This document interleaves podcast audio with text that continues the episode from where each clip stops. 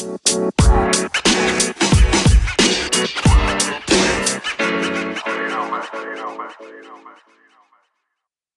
27 Podcast'inin sunduğu Oyun Planı Podcast'e tekrar hoş geldiniz. Can Elini sen de. Hoş bulduk.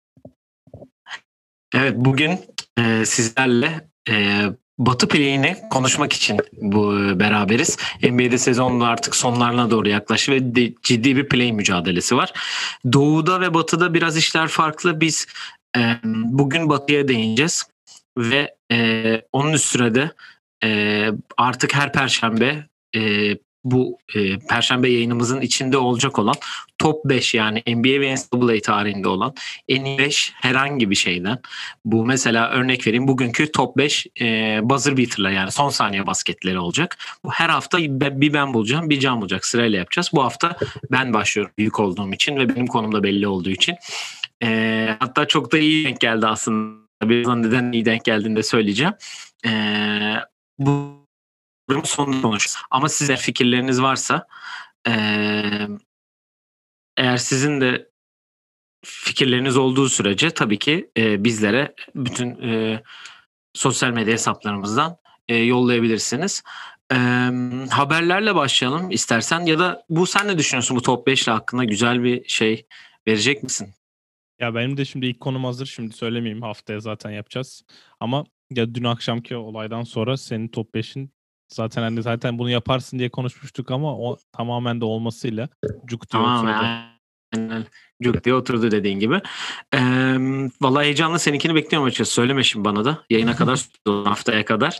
Ee, bugün dediğim gibi Batı Play'in konuşacağız. Batı'da biraz işler daha doğuya göre daha az karışık. Daha çok her şey belli gibi ama arada bir mücadele var. Onu da söyleyeceğiz ama haberlerle başlayalım istersen. Önceki iki tane aslında ee, ya kötü diyeceğim çünkü basketbol sever olarak e, kötü diyeceğim.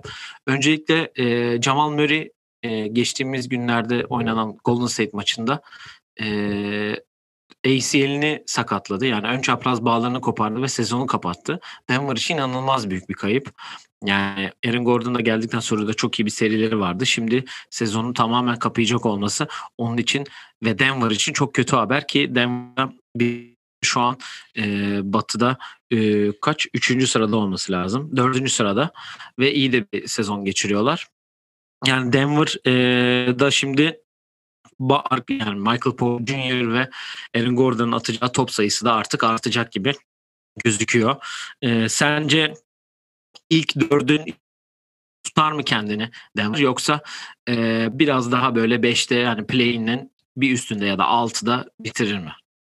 Ya vallahi şu an yani Lakers arasında bir maç var.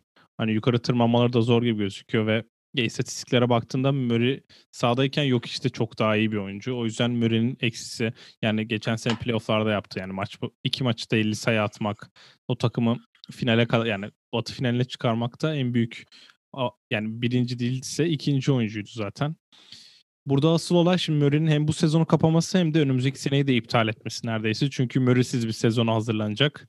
Ve Murray'nin dönüşü yine sene sonuna kadar olacaksa yani sene sonuna doğru olacak büyük ihtimalle ve hani playoff'lara gelecek. O maç temposu yakalayana kadar hani Denver biz nasıl yerleştirelim Murray'i bu sistem içine diye düşünürken Murray gelecek belki oynayamayacak. Mesela Oladipo'da hala gördüğümüz gibi bir sıkıntılar da olabilir. Yani bu kadar yükselişte olan sezonu yavaş başladıktan sonra yükselmeye de başlayan hatta yok için MVP olmasında da bayağı yardımcı olan Murray bir anda böyle kötü bir sakatlık yaşayınca da ya Denver için üzülüyorsun çünkü hani ne kadar geçen sene belki peaklerini yapmış olsalar bile bu sene de bence büyük bir sürprize giriyor olabilirlerdi. Yine Lakers oynayacaklardı. Hala büyük ihtimalle Lakers'la oynayacaklar. Zorlayabilirler.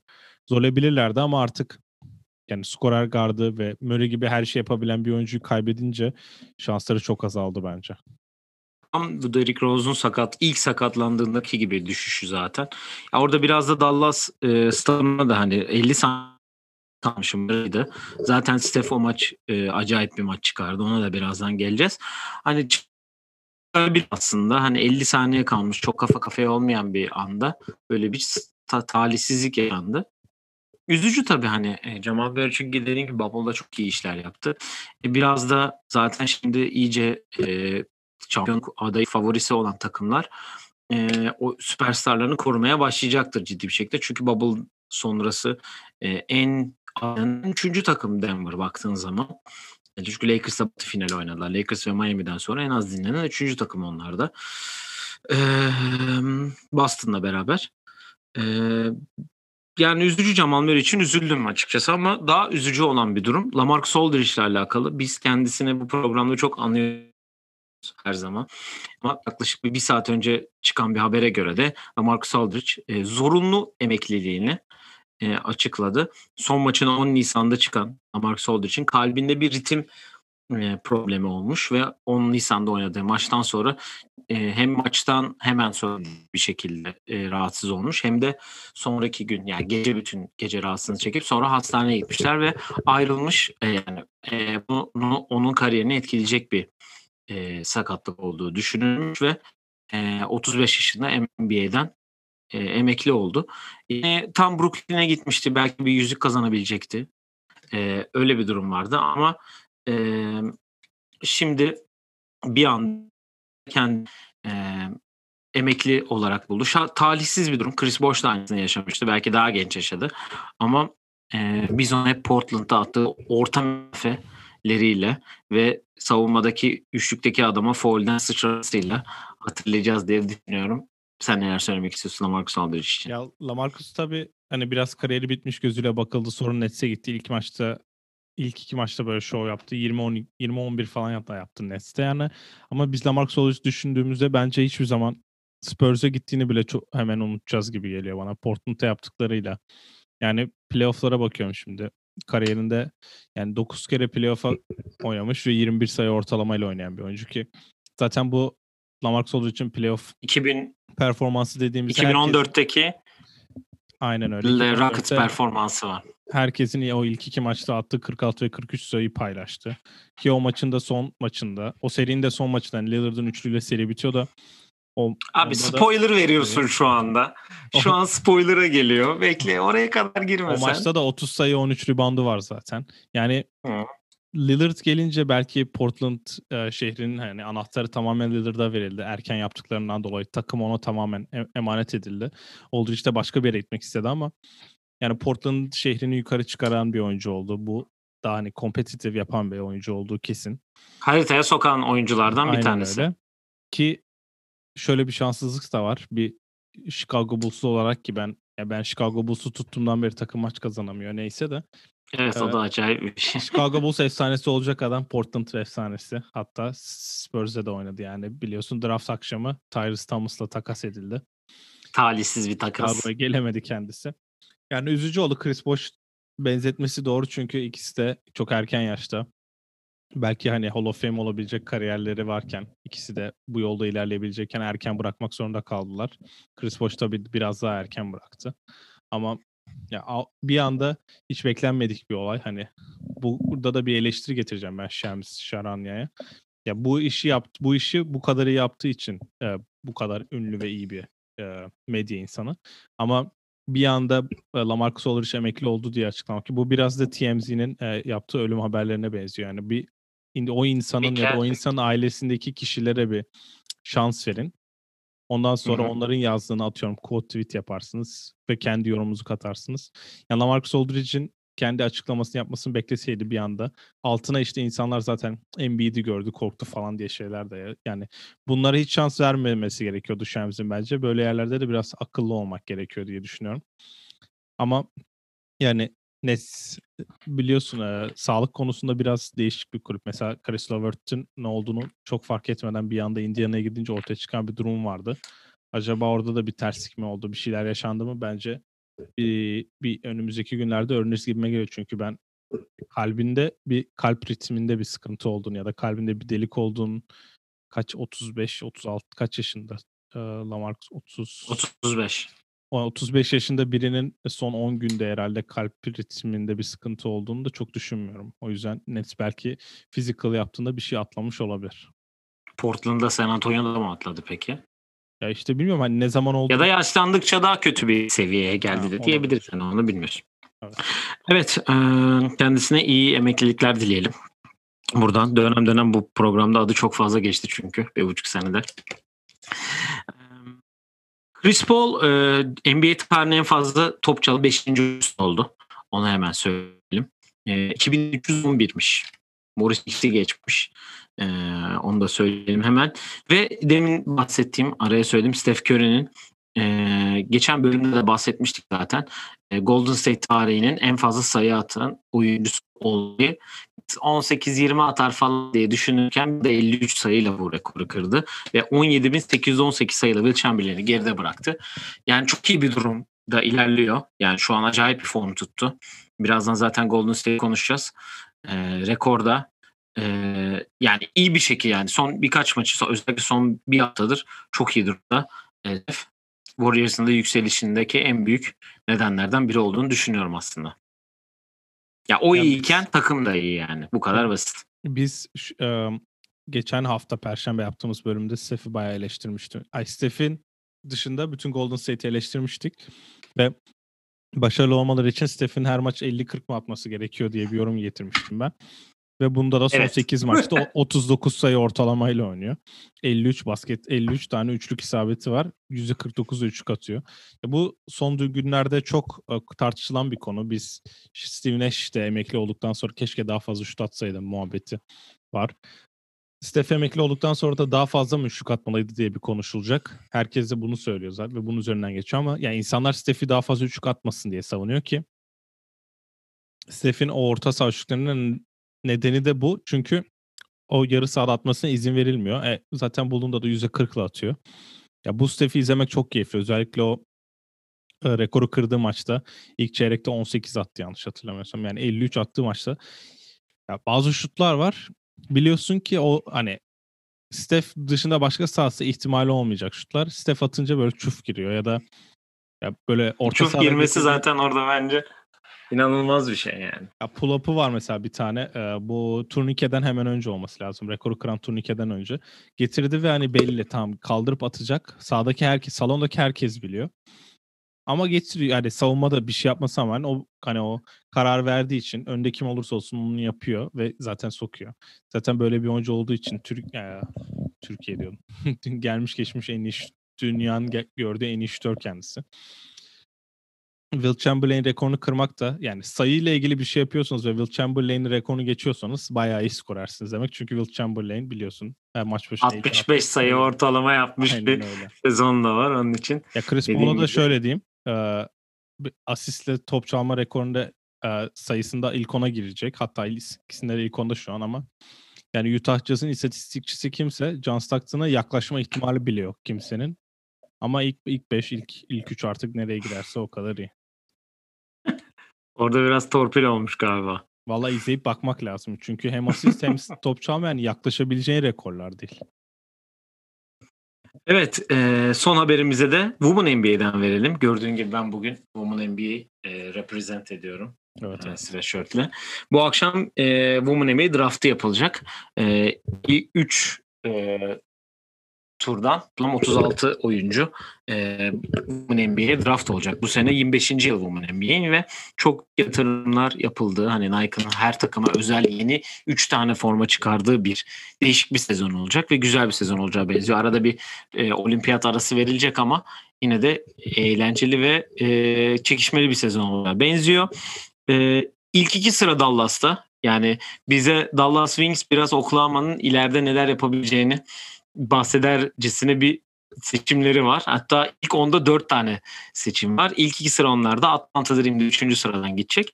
Benim gördüğüm e, Charlie Collier'i yazmışlar e, Texas'tan. Büyük, büyük ihtimal o ilk sıra gidecekmiş. E, bu son turnuvada da Aaron McDonald'ın e, çok yükseldiği söyleniyor.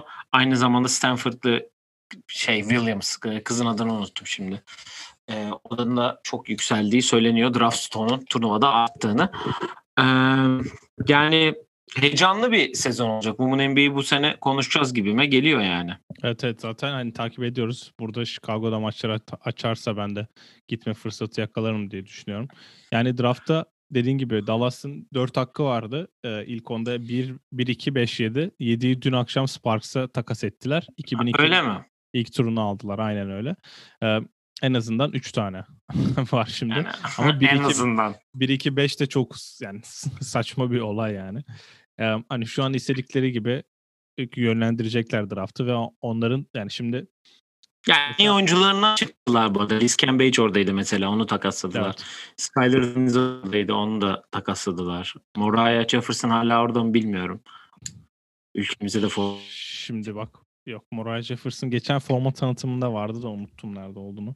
Ee, bakarım. Ee, ya 1-2-5 olunca şöyle bir şey oluyor. Şimdi ilkten seçtin evet en iyi oyuncuyu seçiyorsun tabii ki birden. Sonra kadronda olmayan kişiye göre seçiyorsun. O yüzden mesela atıyorum draftta böyle herkesin beklediği o big board denilen olayı tamamen yok etmiş oluyorsun. Çünkü e, en iyi oyuncuyu aldın. Sonra da herhalde en iyi oyuncuyu almayacaksın. Aynı pozisyonlarsa Hı-hı. atıyorum. Başka pozisyonun en iyisini alacaksın. Ve herkesin draft board'unun değişik bir şekilde etkileyecek Dallas. O yüzden değişik bir ben draft bekliyorum ama yani bir de çok fazla da... böyle bilindik oyuncular da yok bu draftta. Hani biz Bakırız konuştuk, Caitlin Clark konuştuk burada turnuvada. Onlar e, herhalde bir iki sene sonraki Women NBA draftında ya da üç sene sonraki Women NBA draftında görürüz Aynen gibi öyle. gözüküyor. Yani üç sene ay, e, mezun olmak zorunluluğu var Women NBA'de drafta girmek için. O yüzden belki o kural da değişir yakında ama ben sanmıyorum. Yani bakalım değişik olacak. Zaten çok çok saçma böyle hiç beklemediğimiz bir olay olursa onu da konuşuruz. Aynen. Evet haberleri bugün biraz hem Cemal Murray hem de Lamarcus Aldridge üstüne biraz e, uzun tuttuk. E, batı'daki play mücadelesine gelelim. E, demin de söyledim hani doğuda biraz daha işler karışık ama batıda e, yani şöyle diyeyim, batıda şu an play'inin tam üstünde olan Portland e, ve tam play'inin tepesinde olan yani 7. sırada Dallas'ın arasında tam bir maç var bir maç farklar aralarında. Ondan sonra Memphis, Golden State ve San Antonio'ya geliyor. Şöyle bir durum var. 10. San Antonio ile 10 New Orleans Pelicans arası iki maç. Yani ben şunu söyleyeceğim. E, büyük ihtimal Pelicans ve Sacramento e, oynamak istemiyorlar. Hani bu kadar olmaz. Sacramento'yu biz burada öv öv öv. Büyük ihtimal play'in yarışı bilmem ne. Yardır yardır. Biz haftan takım bile seçtik iki kere. Ama yani 8 maçlık bir mağlubiyet serisi var. Yani inanılmaz bir şey. Biz söylediğimizden beri maç kazanamadılar herhalde. E, Pelicans dün akşam maç kaybetti bir tane. E, büyük ihtimal bu e, dört takım belli gibi. Hani evet. Dallas'ın Portland'ı yakalayacağını ben pek düşünmüyorum. Çünkü fikstürler var önümde. E, yani zaten Memphis ve San Antonio'nun NBA'in ikinci devresinde en fazla maçı olan takımlar olduğunu biliyoruz zaten. E, istersen sen bir e, senin bir yorumunu alayım. Genel olarak hani nasıl bir e, 6'dan 10'a kadar değerlendirmeni şey yapacağız. Sonra ben e, kalan maçlarını çıkardım bütün takımların. Hani hangisinin fikstürü daha ağır gibi onu bir söyleyeceğim. Çünkü enteresan o, o işler var fikstürlerde. Ya şimdi ya Dallas 7'de kaldı bence. Artık bundan sonra çok bir değişiklik olacağını düşünmüyorum. Yani eğer Portland çok saçma bir e, mağlubiyet serisine gitmezse ki şu an iki mağlubiyetleri var arka arkaya. Dallas'ın da bir tık form artmasıyla belki 6'yı zorlayabilirler ki Dallas yani dün akşamki maç belki momentum sağlayabilir onlara. Ondan sonra ya Memphis Golden State San Antonio bence zaten onlar kendi aralarında değişir gibi gözüküyor. Ben Golden State'in belki eğer Steph bu performansını sür- sürdürürse ve takım hani biraz da Steph'siz sahada kaldığı zaman bir çözüm bulabilirse onlar 8'den girip belki hani Dallas Golden State tam zaten ne bekliyordunuz ki deyip onlara belki play'inleri de kazanıp playoff'a kalabilirler. Ya Sacramento'ya şunu diyeceğim. 8 maçtır kaybediyorlar dediğin gibi. Playoff'u geçtim ki zaten playoff'a girme ihtimali yok bu takımın da. Play'ine girmek istiyorsanız Wizards'ı, Pelicans'ı, Pistons'ı, Timberwolves'u yeneceksiniz. Bu kadar basit yani. Bu takımları yenmeniz lazım. Tamam yenemiyorsunuz. Ya, Timberwolves'u Pistons'ı yenmen lazım. Ya bence bunun hiçbir ya hiçbir nedeni yok. Hiçbir bahanesi yok bu olayın. Eğer eğer ben play'ine kalmak istiyorum. Playoff takımıyım. Yani böyle şeyler yapmak istiyorsanız yani yenmek zorundasınız bence. Şimdi sezon içindeki mağlubiyetlerine bakıyorum. Mesela Magic'e de kaybetmişler bu sene. Rockets'a kaybetmişler bu sene. Yani bu, bu arada Magic Chicago'da dün akşam kaybetmiş Forma. bu arada. Onu Chicago da haftaya aynı şeyleri haftaya zaten Chicago için. Chicago neyse o şimdi sınırda evet. biraz da alttan gelenler ivmeli geliyor özellikle Washington.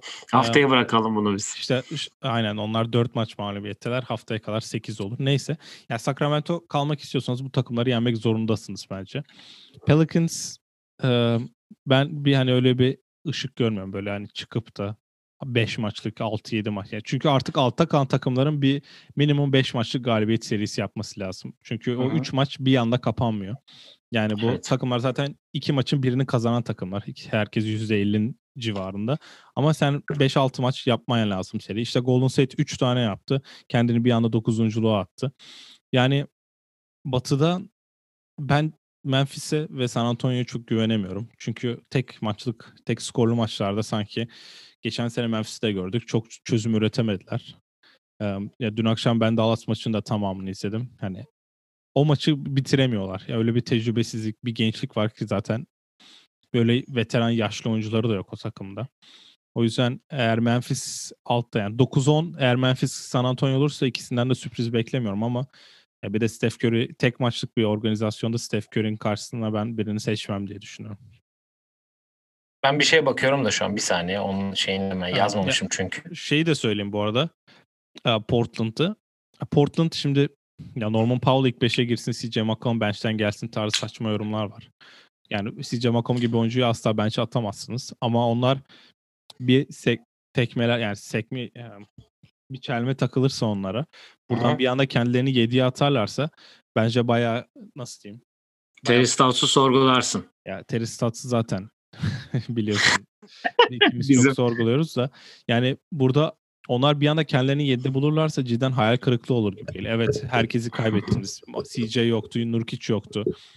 Yani Lillard taşıdı belki MVP adaylığına kadar oynadı. Ama bu takım eğer 7'ye düşerse cidden çok büyük sıkıntı olur. Bence de sıkıntı olabilir. Yani ve nasıl diyeyim bu aynı oyuncuları bulundurup belli hani şimdi onlar bir final oynadı peak yaptılar. Bence Denver'ın da peak'i geçen seneydi. O batı finali ben Portland için peak diyorum. Ondan sonra aynı oyuncularla aynı başarıyı yakalayamamak e bir artık bir değişim gerekecek ve burada bence artık gözler direkt CJ ikilisine hatta Nurkic'e yani üçünden biriyle yolların ayrılmasına gidecek gibi gözüküyor. Yani Trent'ten çıkmak Powell evet belki aynı şey. Ee, aynı tipte oyuncu. ikisi skorer bir oyuncu ama hani Trent şu an Toronto'da en iyi oyuncularından biri oldu neredeyse ki. Bir dün akşam kötü oynamış. Ee, bir de ondan önceki son iki maçtır kötü yani. Hani Powell'la ikisi hani Trent'i yollamak mantıklı mıydı Powell aldın karşısında ama yine de e, orayı sorgularsın yani senin dediğin gibi eğer 7'ye düşmek hani çok zor şu an. Hani evet arada bir maç var ama şimdi kalan fikstüre bakıyorum mesela. E, bu 5 takım arasında Dallas batı takımlarıyla en az maç yapacak takım mesela. Ondan sonra San Antonio geliyor ki Dallas bunlar bu 8 maçtan e, bir tanesi Memphis bir tanesi Warriors Diğer 3 tanesi Sacramento, 2 tanesi Lakers, bir de Pelicans yani. Dallas için 7.lik hatta 6.lık düşünemiyor. Çünkü Portland'a bakıyorum. E, Clippers, Denver, Lakers oynayacak. Utah'la Phoenix'le oynayacak. Deplas e, içeride.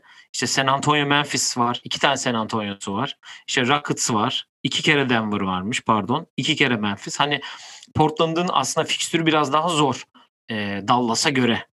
E, şimdi Memphis'le e, Golden State arası da bir maç ki Memphis'in çok daha fazla maçı var. Onlar da 12 kere e, Batı takımlarıyla oynayacak. E, Golden State'de 13 kere oynayacak. Hani bakıyorum mesela şöyle bir enteresan bir durum var. Golden State bütün içeride oynayacağı maçların hepsini Batı takımlarıyla oynuyor biliyor musun? İnanılmaz bir şey yani. Ya şöyle bir şey var. Çok önemli. Golden uh, Memphis. Ve hatta Evet sen Memphis söyle ve hatta hani Golden State fikstürüyle alakalı da hani e, çok e, kolay bir fikstürü var aslında. Ya Golden uh, Memphis'te uh, şimdi ilk ondaki takımlara bakıyorum. Batı takımlarına karşı galibiyet yüzdesi uh, yani daha fazla yani galibiyet mağlubiyeti galibiyetinden fazla bir tek Memphis ile San Antonio var yani.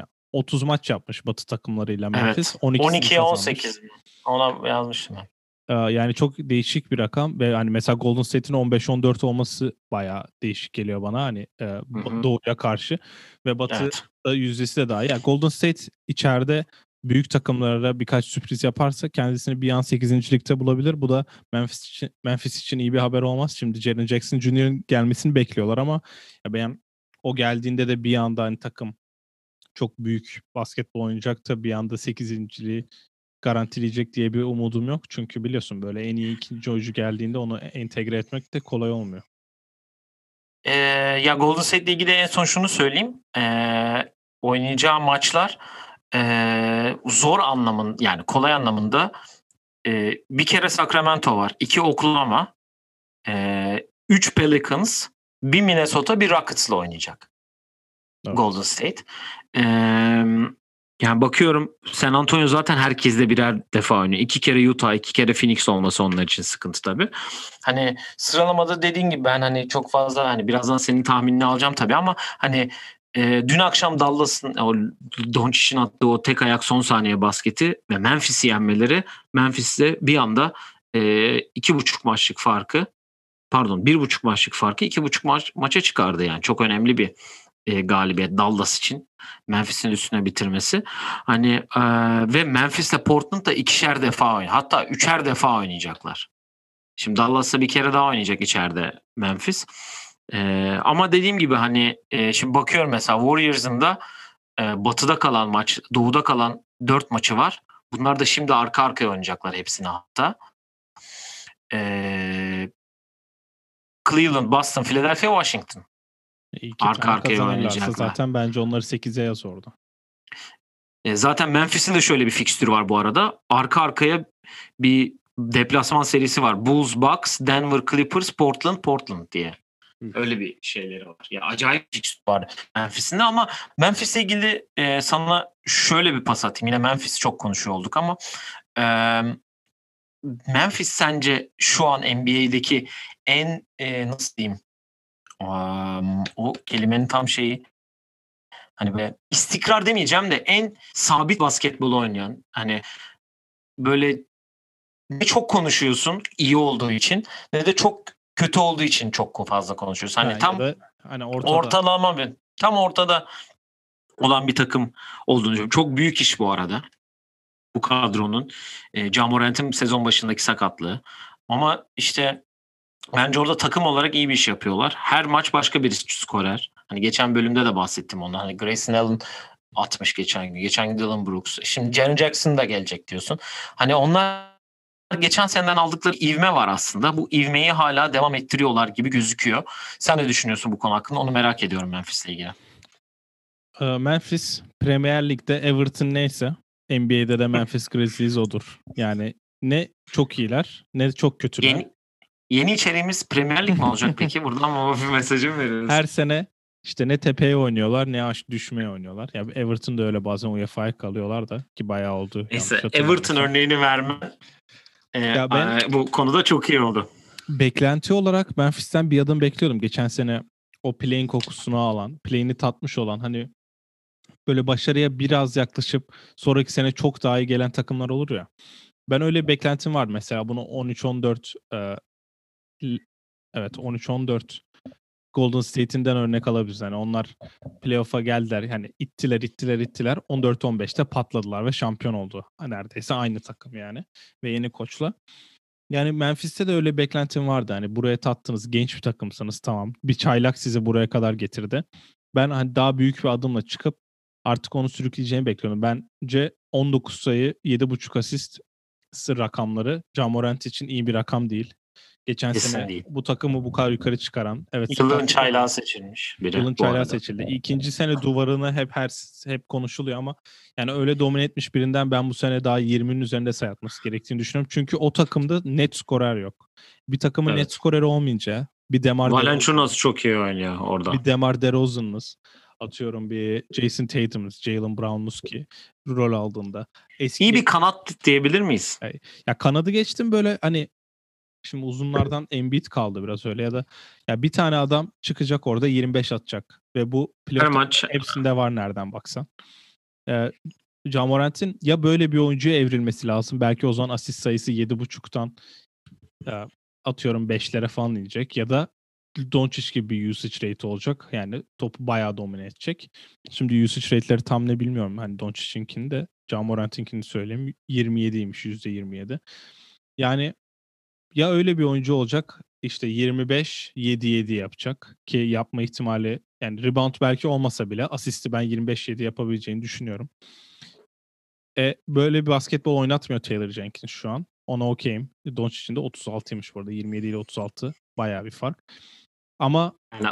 eğer Jamorat böyle bir oyuncu olmayacaksa buraya bir tane böyle adam gelmesi lazım. Dylan Brooks, Grayson Allen olmayacak. Çünkü hani Grayson dün çok iyiydi mesela. iki, iki foul kaçırdı evet çok önemli bir olay ama. Kyle Anderson var aynı zamanda. Kyle Anderson da var. Buraya e, güzel bir örnek bulmaya çalışıyorum şu an.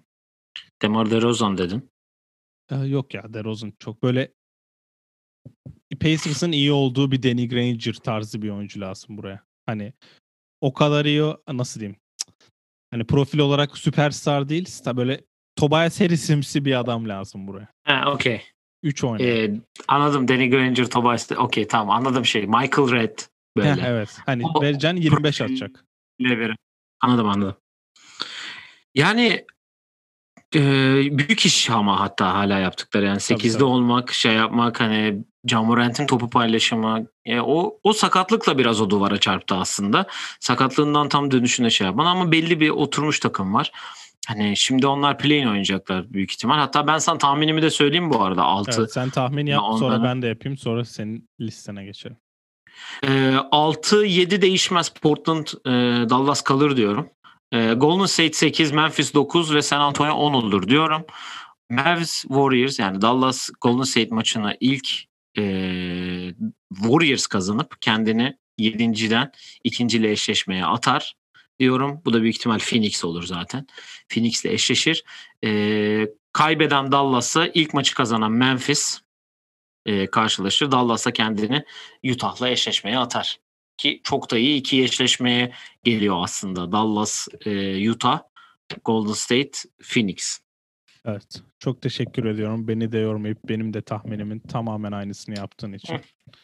İlk defa bir buçuk senede ilk defa yani bu yayını yapmaya başladığım zaman tabii bir buçuk senedir tanışmıyoruz tabii ki de. Bir buçuk sene biraz şey oldu ya 25 senedir de diyebiliriz. 25 senedir ilk defa aynı şeyde yüzde yüz doğru yani yüzde yüz yaptık hakikaten evet. bu arada. ben de şaşırdım şu an bir an böyle bir zevke geldim diyeyim. Ee, var mı Batı'da play'inle ilgili herhangi bir eklemek istediğim bir şey? Yani Batı'da her şey belli olduğu için aslında bu kadar kısa tuttuk. Haftaya bir Doğu bölümü geliyor. Evet. Yani Doğu'da silahlar çekilmiş, bekliyor herkes. Hani yukarıdan kim aşağı düşecek diye ama alttakiler yine istemiyor. Onda da bir istemeyen tayfa var ama hafif bir e, gazı açan bir Washington var orada benim gözüme çarpan. E, Vallahi ben Pelicans'ı konuşmak isterdim ama konuşamıyoruz. O yüzden başka bir şey de Arizona'nın head coachluk pozisyonu boş türlü. Colton Arizona mezunu. Çok güzel giderdi gibi geliyor bana. Ama onlar da dün Gonzaga'nın asistanını aldılar. İşte tazminat ödememek için Luke Walton kovulmuyor. Takım yani 8 maç kaybetti arka arkaya. Neyse bu arada Dave Yorger da Doug Rivers'ın asistanıymış. Bunu biliyorduk. Ben dün yine maçı izlerken görünce şaşırdım ama. Öyle. Evet. Sonra... Aa buradaymış dedin değil mi? Aynen öyle. Evet, e, e, perşembelerimizin yeni e, içeriği diyeyim bari. Hani içerik tam olmuyor ama hani yeni, yeni konsepti konusu. olan yeni konusu top 5 yaptık. E, oyun planı top 5'i olarak e, adlandırdık biz de. Ve bu hafta benim seçtiğim en iyi buzzer beater'lar. Yani sürenin hani kesinlikle bitti yani topun tam sıfırda girdiği ya da süre bittikten sonra girdiği buzzer beater'ları aldım. Gerçekten yani bu kadar zorlandığım bir e, yani başka bir konu versen bu kadar zorlanmazdım diye düşünüyorum. Çünkü bu arada son 20 yıldakileri hani almak daha mantıklı geliyor. Çünkü adam akıllı basketbolu izlemeye başlayalı hani biz e, o sürelerde geldi akılda kalan, aklımızda kalan ve en benim kendi listem bu arada. Hani sizin hı hı. tabii ki sen değiştirebilirsin. Eklemek istediğin de olabilir aklında olan şimdi. Ben hepsini sayacağım ama hani eğer dinleyicilerimizin de olursa e, tabii ki onları da duymak isteriz diyeyim. Hatta Böyle, yorumlara yazalım eğer eğer evet. varsa bizim bahsetmediğimiz onların da. Evet bizim bahsetmediğimiz aynen aşağıda yorumlara yazarsanız ya da e, bizi di, e, dinleyen insanlar için hani sosyal medyadan da bize yollarsanız tabii ki seviniriz diyelim. Ben Honorable Mention köşesi, köşesiyle başlamak istiyorum. Çünkü burada e, konuş söylemek istediğim 2-3 tane var. Hani bunları bir yere koyamadım çünkü o kadar zordu ki şimdi ben e, sen sıralamayı yapınca ben sıralama yapacağız anlayacaksın. Ee, Robert Horry'nin 2002 yılındaki Sacramento'ya attı. Benim hayatımdaki hatırladığım ilk böyle son saniye basketi. Hani o kadar net hatırlıyorum ki hani nasıl olduğunu. Divac'ın önce iki foul'ü kaçırıp sonra o topu yine Divac'ın Robert Horry'e çelip atıp hatta bugün tekrar izleyince Robert Horry'nin de o hani Divac benim bunları atacağımı biliyordu. Hani onun hani şans değil bu ben bunları hep yapıyorum. Biraz gazete okusun tarzında da bir açıklaması var. Ee, onu e, seç honorable mention kısmına atmak istedim. Hani bu nasıl diyeyim hani ilk beşe giremedi ama ilk beşe girmeyi hak eden diyebiliriz honorable mention Ya Tam kadar karşı. NBA tarihinde doğru zaman, doğru yer ve doğru şut kadar hani bunu en iyi yapan NBA oyuncusu herhalde tarihteki. Kesinlikle öyle yani. Ee, geçen sene Devin Booker'ın Bubble'da attığı Clippers'a tabii ki bunu koymazsam buraya hani o oradaki şutu hem Paul George ve Kawhi'nin üstüne atması hem de o düştükten sonraki o bakışı zaten benim için ikonik bir an olarak kaldı. Ee, neyse öbürlerini dışarıda kalan birkaç şey var. Onları söyleyeyim mi önce yoksa hani dışarıda kaldı? Yok, ilk bunlarda. son 5'ten 1'e yap. Biri yapmadan önce söylersin. 5'te başlayayım. Yine benim çok ciddi şekilde kafamda yer etmiş bir e, son saniye basketi. 2006 Batı Konferansı birinci tur. E, birinci, dördüncü maçına gideceğim. Bu Mike Breen'den duyduğum ilk bang olabilir benim. E, tekrar bugün izleyince e, şey yaptım. Kobe'nin tabii ki 2006'da Phoenix'e hava atışıyla topu alıp Luke Walton orada topu hava atışında Kobe'ye çeliyor.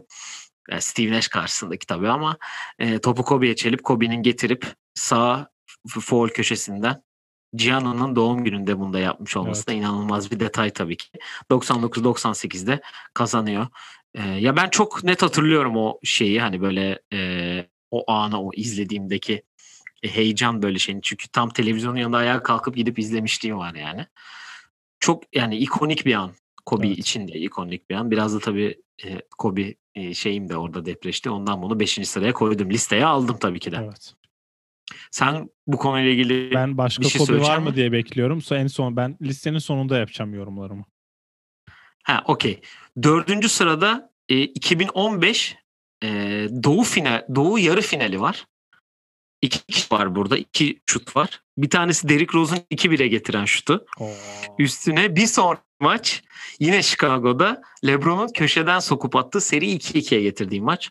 Yani canlı izlediğim iki maç. Ben- Derrick Rose'un şutunda inanılmaz bir şekilde böyle nasıl yani diye böyle kaldığım bir durum. Hani çok rahat ve cool bir seviniş de var. O da zaten sonra bayağı şey oldu. Hani peak Derrick Rose'un olduğu zaman diyorum. Son peak'in herhalde. Yani son prime'ın olduğu zaman. Ee, LeBron'la ilgili sonra listeye alamadığım kısımda birkaç şey söyleyeceğim. Ee, çünkü alamadığım kısımda onun birkaç şeyi var. Ee, üçüncü sıra ee, şimdi üçüncü sırada bir Portland ee, köşesi yaptım. Ee, hem Damian Lillard'ın demin senin bahsettiğini 2014'te birinci turda Rockets'a attı ve onunla tam tamına birebir olan bak birebir olan diyorum. Brandon Roy'un 2008'de yine Rockets'a karşı attığı son saniye basketi var. İkisi de e, yok pardon. Brandon Roy'unkinde bu arada uzatmada atıyor. E, ve o şutu Lamarcus Aldridge sokuyor. Uzatmaya götürülen şut. Yok. Kendisi uzatmaya götüren şutu atıyor. Sonra Lamarcus Aldridge'in orada bir tane çok kritik şutu var. Yani ikisi de çok birbirine benziyor zaten. E, ama Rockets'a attığı 2014'teki 14 sene sonra ilk defa e, Portland'da bir seri kazandırıyor ve ilk turu geçiyor Portland. Yani ikisi de çok birebir bir şut hatta yani biliyorsun. Evet. Hani ikisi de top sol e, köşeden çıkıyor. İkisi de sol forvetten topu direkt havaya dikiyor ve top direkt içine düşüyor. Brandon Roy'unkini ben daha öne koyacağım bunda. E, aynı biliyorum Portland köşesi olarak ikisini de alın da Brandon Roy'unkinden önce bir de Yao Ming'in soktuğu saçmalık bir şutu var. O yüzden, Evet tek ayak üstü. O yüzden Brandon bir tık daha önde bende. Ama asıl burada konuşmak istediğim konu tabii ki 2019'da Oklahoma'ya yaptığı o 50. sayısını 10 metreden yolladığı bir üçlük var ki hani eliyle salladığı ve Oklahoma franchise'ının Russell Westbrook'un da Oklahoma'daki süresinin sonuna geldiğimizi anlatan şut hayal kırıklığına uğramıştım. Hani bunu yazmak elim titredi biraz 3 numaraya ama e, yapabilecek bir şey yok yani. İyi de öldür hakkını yeme demişler. 2 numara madem Westbrook dedik. E, bizi klasikleştirmiş haline geçen bölüm konuştuğumuz triple double sezonunu garantileyen 2017'de sezonun son maçı. Denver'a attığı bir yine 10 metreden attığı bir üçlük var. 50 sayı 16 rebound 10 asistle bitiriyor maçı ve sezonu triple double'la ortalamayla garantiliyor ve onu MVP MVP'ye taşıyor açıkçası. 9 sene 2017'ymiş bu arada. Hmm. Yani o çok o da mesela çok acayip bir şut bence. Şu top kenardan çıkıyor ve topu alıp direkt böyle bir kaldırıp atıyor ki Russell Westbrook'un da şutu çok hızlı çıkartır ve bu yani çok da sert atar. Bu direkt giriyor. Top o gün onu girmek istemiş resmen. Ve, ve maçı da handoff yapıyor bir de değil mi? Evet. Steven Adams da handoff alıyor ve direkt kaldırıyor böyle. Oradaki e, maçı anlatan adamın da şeyleri çok iyi yani. internette bulup izleyebilirsiniz onda. O da çok iyi. Bağırıyor yani. Ve birinci sıra tabii ki de yani hala bugün izlediğimde böyle tüylerim diken diken oluyor bunu izlerken. Çünkü e, 2019 Batı final, Doğu finali 7. maç bu dediğim. Şimdi bunu deyince herkes anladı zaten. Tabii ki Kawhi Leonard'ın son çeyrek 15 sayı attığı ve 15. sayısının da topu alıp köşeden Joel Embiid'in üstünden tam Toronto bench'inin önünden herkesin yere çöktüğü, bütün salonun sessiz kaldığı. Yani öyle bir an var ki ve Mike Mike Breen yine galiba Is this the dagger dediği ve sonra bir bağırış var. O kim bağırıyor öyle bilmiyorum. Mark Jackson galiba o hayır, maçı hayır, anlatanlardan biri. Van Gundy. Yani acayip bir sevinç var ama orada beni en çok böyle şey yapan bütün salon top ilk potaya değdiği zaman susuyor. Evet. Ve bütün bench böyle oturuyor. Zaten yılın fotoğrafı seçilmişti o da biliyorsun. Yılın anı da seçilmişti NBA'de. Hani çok böyle tüylerimi diken diken etti hala hatta bugün izlerken. Bence hani onun üstüne benim yani çok uzun süre böyle şampiyonluk kazandırmayacaksa ki eğer ki bu bence e, Toronto'nun şampiyonluğuna giden ilk adım olarak düşünüyorum. Çünkü bunu kaybetseler e, ya maç uzayacaktı evet ama kaybetseler e, Philadelphia finali çıkacaktı. Milwaukee ile oynayacaktı. Evet. Ya, saymadıkların yani, honorable mention başka var mı dışarıda kalan?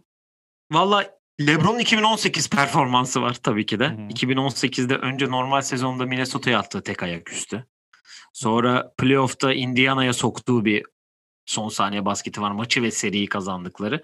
Ve tabii ki Toronto'ya attığı 3. maçta Toronto bench'in önünden tek ayak attığı bir 2018 performansı var.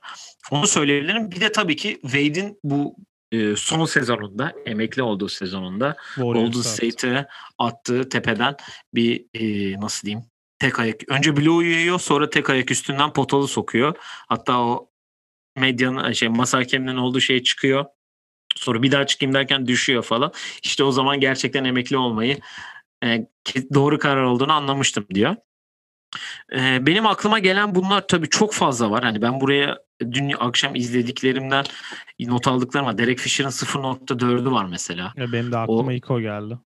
O çok şey, e, akılda kalan. Wade'in bir tane Chicago'ya karşı topu çalıp iki uzatmada orta sahanın biraz önden attı. Ve tabii ki iki tane çok alakasız Jeremy Lamb ve Tyreek Evans'ın kendi sahalarından atıp kazandırdığı maç var. Maçlar var. Daha da şutlar var. Yani Orlando Lebron'un var 2019 Batı Doğu tamam. finalinde tepeden.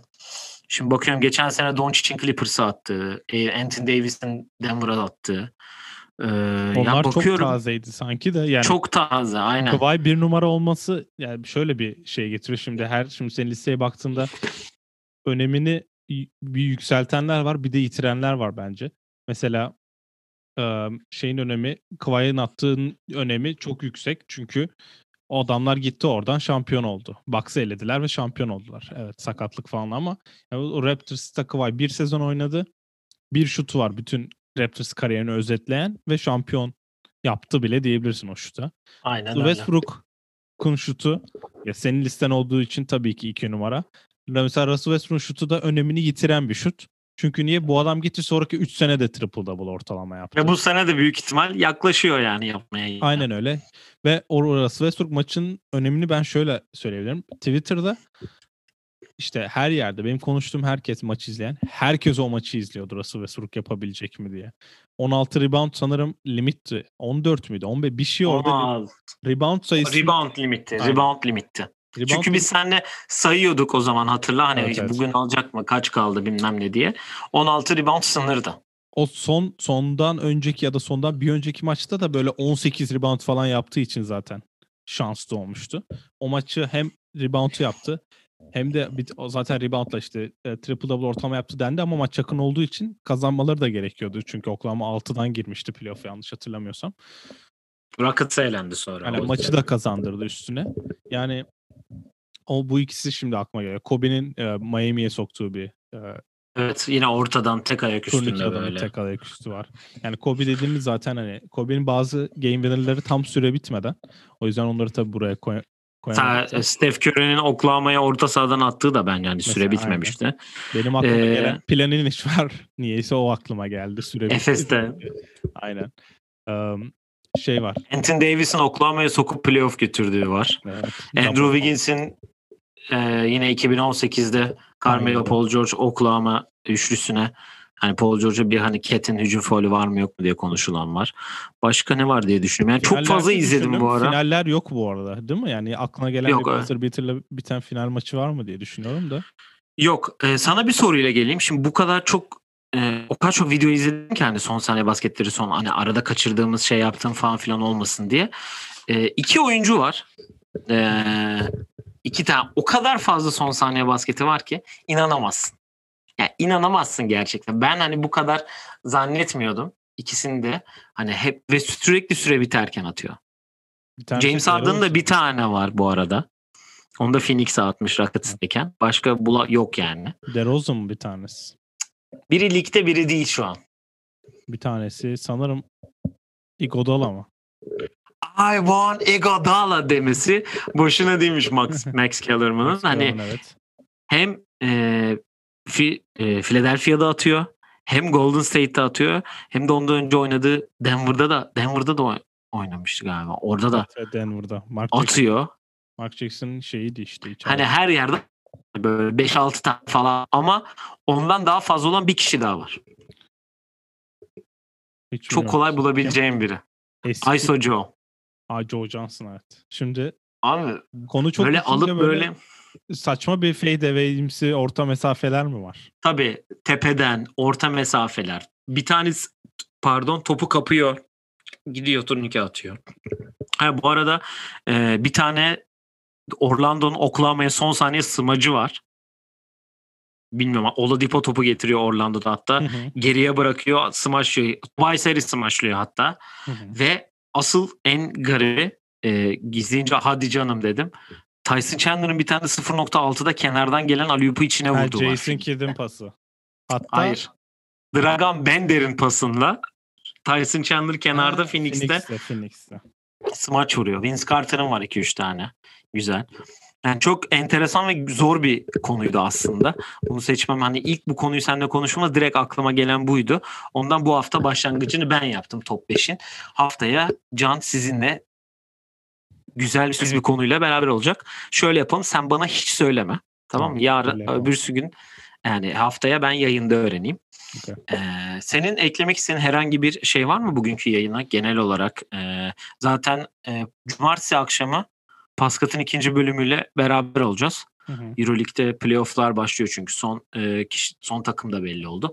Ondan bahsedeceğiz. Bayan Euroligi var ondan bahsedeceğiz biraz. E, başlıyor. Yarın başlıyor evet 16 Nisan. Hatta İstanbul'da yapılıyor Volkswagen Arena'da.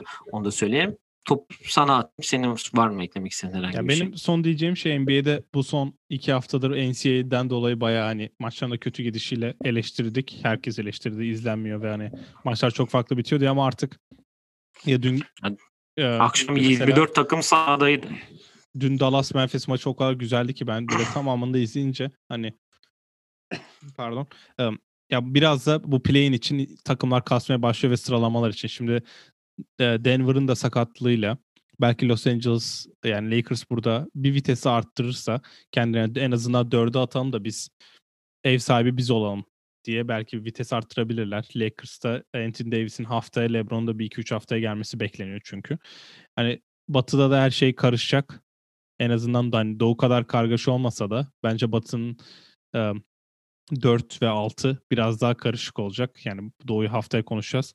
Ben daha güzel maçlar bekliyorum. Kalite de yavaş yavaş artıyor ve starların da en azından dönmesiyle ligde biraz hani herkesin yavaş yavaş playoff temposuna gideceğini düşünüyorum. Evet, e, dün akşam 24 takım sahadaydı. Bu akşam da bir 6 kaç 4 ya da 5 maç var. Zaten bu perşembe TNT akşamı. Onun için. Ee, evet efendim. Evet oyun planı pod değil. Oyun planı podcast'inin sonuna geldiniz. Et TUS 27 pod Instagram, Facebook, YouTube, Spotify e, hesaplarına bizleri takip edebilirsiniz. Top 5 fikirleriniz varsa yorumlara aşağı bırakabilirsiniz. Herhangi bir konu olabilir. NCAA, NBA ve NCAA ile alakalı tabii ki de. Ee, bir sonraki yayında görüşmek üzere diyelim. Kendinize iyi bakın. Hoşçakalın. Hoşçakalın.